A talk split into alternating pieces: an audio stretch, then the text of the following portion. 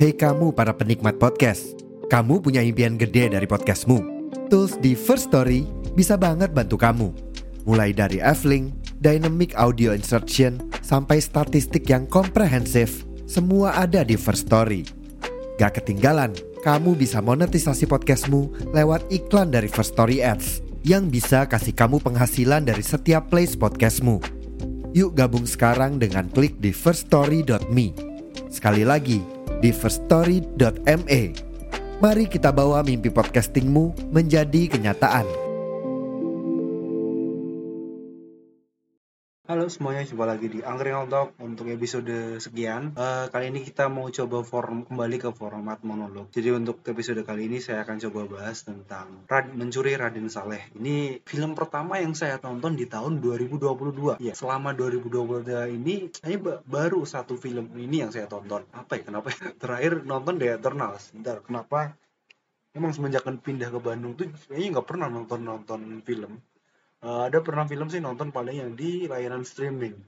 Emang mager banget sih. Jadi kemarin waktu ada libur ya saya ambil cuti di nontonnya juga di rumah sih waktu di bioskop Tegal. Uh, jadi ini mencuri Raden Saleh memang akhirnya saya mulai nulis lagi di Kompasiana untuk review tentang Raden Saleh ini. Tapi emang cukup wah eh, nggak uh, nyangka sih kalau misal uh, di Indonesia tuh bisa bikin film macam kayak gini. Nah, mungkin saya akan bahas dari awalnya dari uh, dari sedikit sinopsisnya. Oke untuk sinopsisnya itu uh, jadi ceritanya ada Piko. Piko ini lagi kondisinya tuh lagi kalut. Ayahnya Budiman yang di eh si Piko diperani sama Iqbal Ramadan, Iqbal Ramadan Ramadan itu lagi kondisinya kalut ayahnya yang namanya Budiman Pranama di Sasongo itu dijebloskan ke dalam penjara karena dituduh sebagai salah satu anggota komplotan pembobol bank. Nah, untuk bisa mebebasin si Pak Budiman ini butuh uang sampai 2 miliar.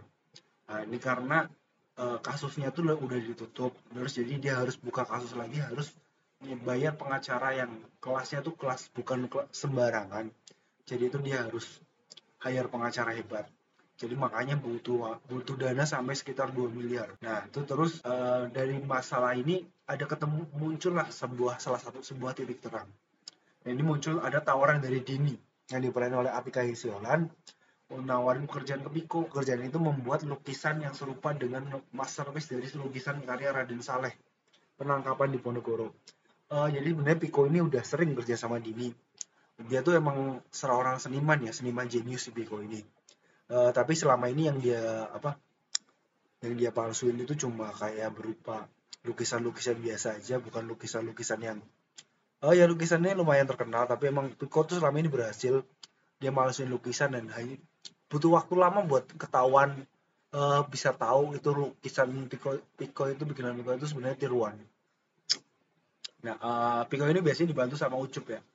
Ucup itu diberanin Angga Yunanda itu kayak sohibnya terus dari uh, pertemanan mereka ada sebenarnya ada si Piko ini punya pacar juga nah namanya Sarah dipenuhi sama Agnini Agnini Hakui. Karena memang uh, ya ini singkat cerita karena Piko serius ya bisa aja gampang untuk Piko buat bikin lukisan kayak gitu tuh hal yang bukan hal uh, hal uh, bukan hal sulit buat Piko Nah itu akhirnya dia berhasil bikin lukisan karya Raden Saleh itu tapi uh, hal tidak terduga terjadi. Dini itu minta penawarannya diubah. Jadi yang awalnya cuma bikin lukisan terus penawarannya berubah. Jadi bikin jadi diminta buat bikin oh buat bukan cuma bikin lukisan tapi diminta juga juga mencuri mencuri lukisan dan men, menukarnya menukar dengan lukisan yang palsu. Bayaran yang awalnya 2 miliar itu dinaikkan jadi 17 miliar. Nah ini tapi ternyata ini bukan bukan jadi tawaran karena ini, jatuhnya lebih ke ancaman. Karena Dini datang bersama dengan Permadi dibantu oleh Tio Pakusadewo. Permadi ini sebenarnya bosnya Dini. Dia uh, ser hmm, nggak diceritain jelas apakah sebelumnya uh, Permadi ini memang kliennya Dini atau belum atau enggak ya. Jelas mereka udah kenal cukup lama. Dan akhirnya Permadi ini uh, pengen mendapatkan lukisan itu. Permadi ini adalah mantan presiden. Mantan presiden dalam film ini cerita presiden Indonesia. Nah terus uh, Permadi itu ternyata tahu tentang kenal bapaknya Piko dan tahu kasus yang uh, menjerat bapaknya Piko ini. Dan dia Permadi ngasih ancaman kalau Piko nggak mau maka um, maka menyawa Budiman tuh bisa aja dia bisa dia bunuh si Budiman ini atau mungkin bisa dia dia siksa atau segala macam hal buruk lainnya lah.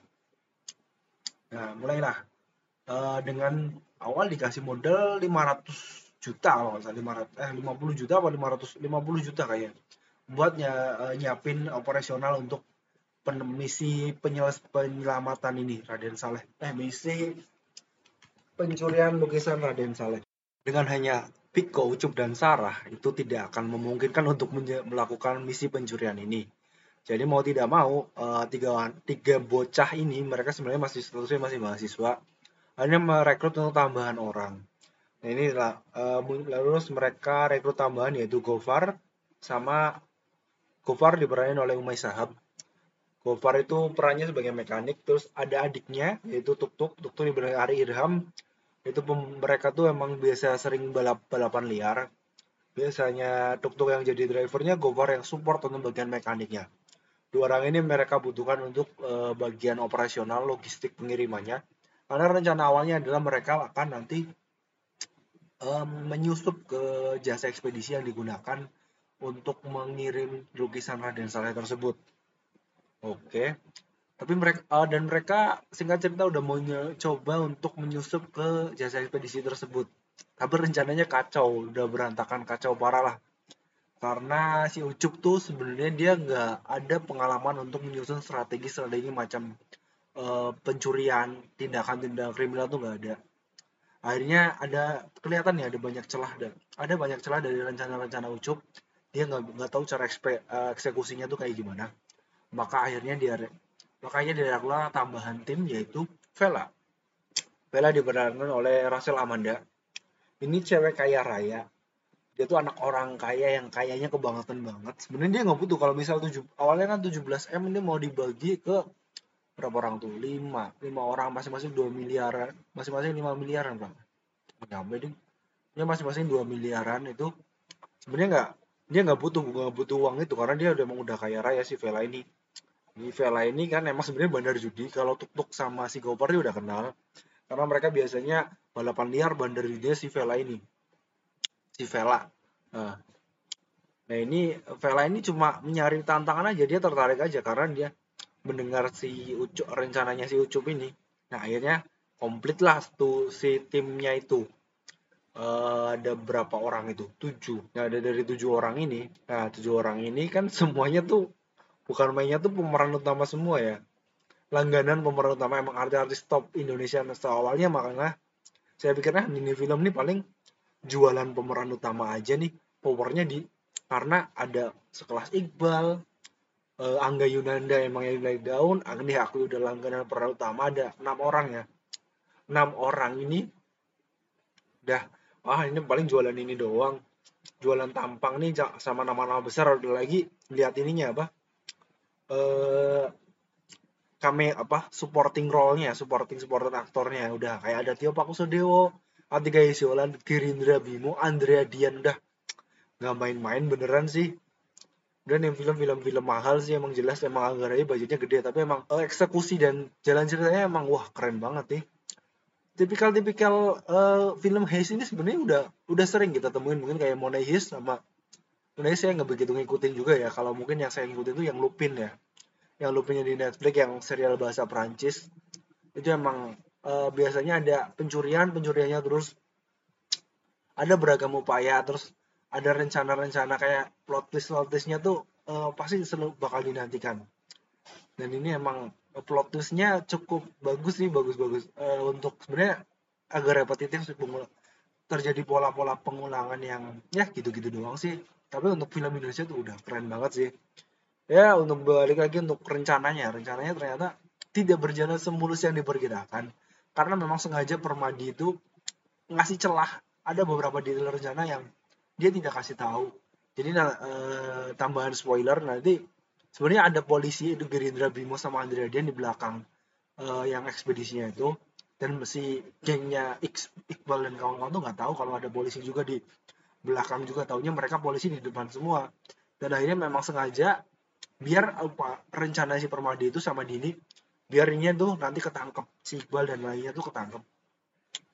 Jadi waktu mereka ketangkap lukisannya otomatis ada di kantor polisi.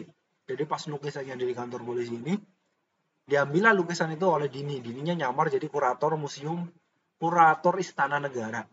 Nah dari situlah udah emang sengaja semuanya tuh sesuai skenario si Dini. Nah setelah rencananya gagal total ucup jadi DPO terus si tuk tuk akhirnya di penjara tuk tuknya untungnya nggak nggak bocor dia nggak membocorkan rahasia rahasia dari komplotnya tersebut. Akhirnya tapi emang jadinya kan mereka berakhir rencana memang berakhir berantakan. Pada akhirnya terus si Piko Piko yang nggak dapat apa-apa uh, akhirnya mau mencoba membalas dendam. Mereka gantian mau nyuri lukisan tersebut dari rumahnya si Permadi. Nah makanya awalnya kan kok agak bingung juga kok judulnya lukisan judul ceritanya kok mencuri mencuri Raden Saleh Nah, mencuri Raden Saleh padahal kan sebenarnya kejadiannya tuh kan menukar bukan mencuri. Nah, ternyata nah ini bagian utama film itu baru dimulai di sini karena mereka memang benar mencuri lukisan Raden Saleh yang ada di per, di, di ro, uh, istana uh, rumahnya Permadi. Nah, seperti itu. Nah, mungkin itu detailnya nanti kalau ini kurang seru ya. Nanti kalau misal teman-teman pendengar uh, saya ceritain semuanya kayaknya nggak seru buat nonton. Nah, kurang lebihnya ya filmnya tuh keren banget sih untuk sekelas-sekelas uh, film Indonesia. Emang Angga apa Angga Sasongko tuh keren banget udah. Mengingat ini tuh emang uh, dan track recordnya Angga tuh udah pernah bikin yang namanya filosofi kopi yang punya jalan cerita yang jauh banget yang untuk band and Jodinya itu wah, keren udah main blowing banget sih udah bukan udah bukan cerita tentang kopi-kopi lagi malah cerita tentang action.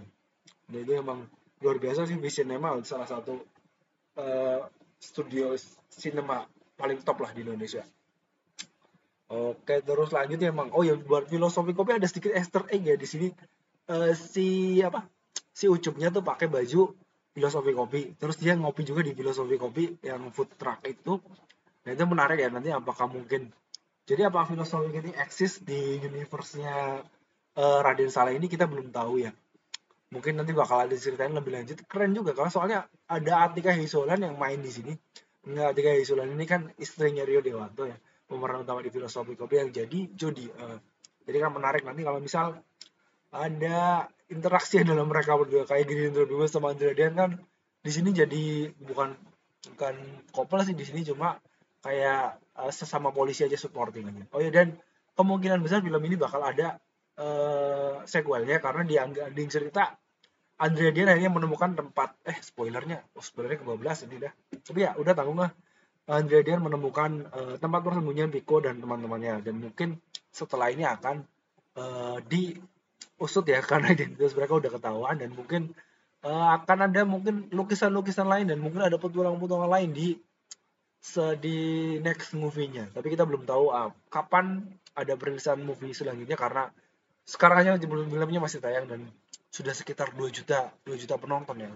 Harapannya mungkin film sebagus ini harusnya bisa lah tembus uh, 4 juta 5 juta penonton tuh bisa lah. Filmnya udah keren banget soalnya.